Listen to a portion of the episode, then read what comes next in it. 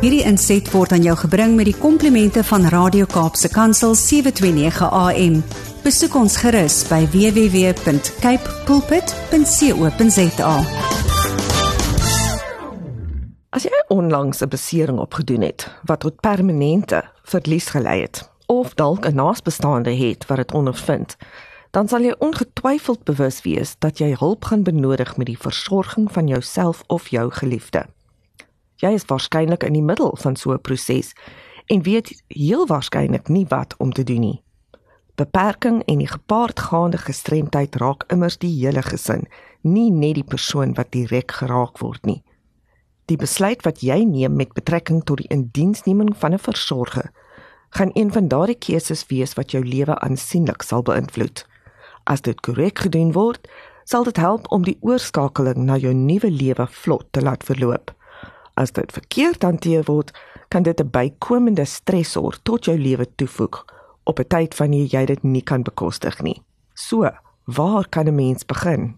Die eerste stap is om jou vereistes en behoeftes neer te skryf. Dit is altyd nuttig om met iemand te praat wat daagliks soortgelyke uitdagings as jy het om te moet hanteer.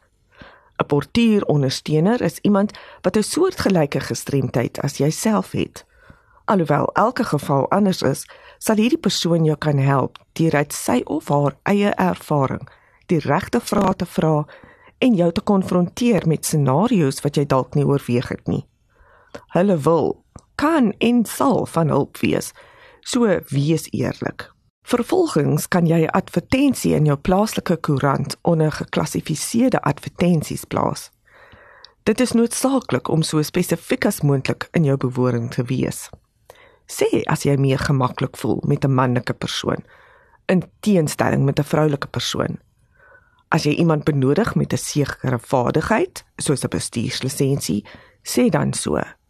Jy wil nie aansoeke van of ontoegeruste mense ontvang nie. Miskien weet jy dalk nie presies wat jy benodig nie, maar die portierondersteuner sal beslis hiermee kan help.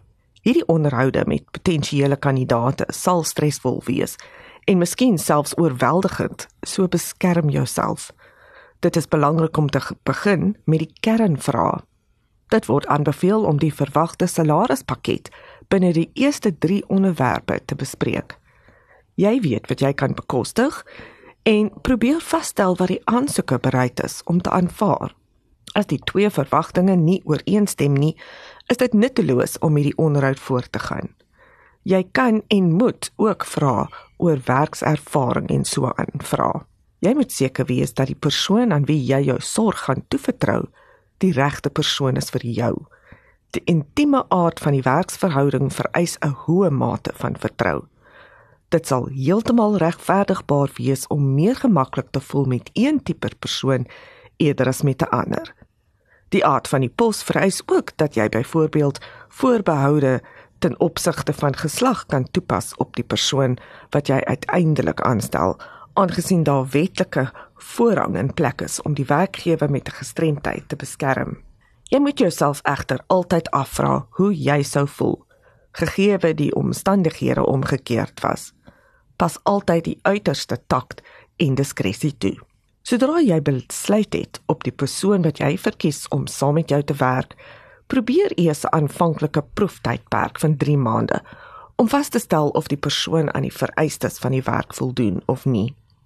Jy sal gou uitvind of die persoon wat jy aangestel het wel die pos sal kon volstaan, beide geestelik en fisies. Soos met enige verhouding, gaan jy beter oor die weg kom met sommige individue as met ander. So wees bedag daarop wanneer jy die betrokke persoon aan die einde van die proefperiode evalueer aangesien jy vir baie ure elke dag in hierdie persoon se geselskap gaan wees.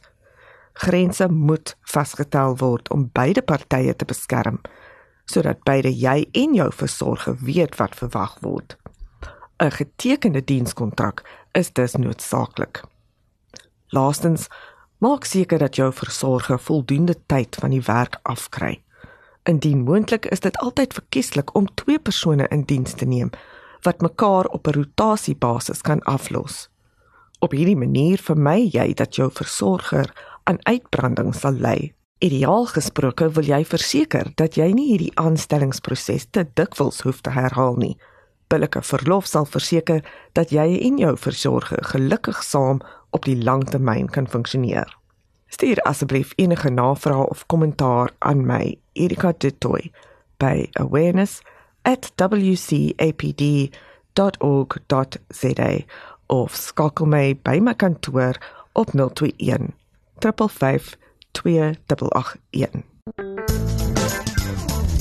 Hierdie inset was aan jou gebring met die komplimente van Radio Kaapse Kansel 729 AM. Besoek ons gerus by www.cape pulpit.co.za.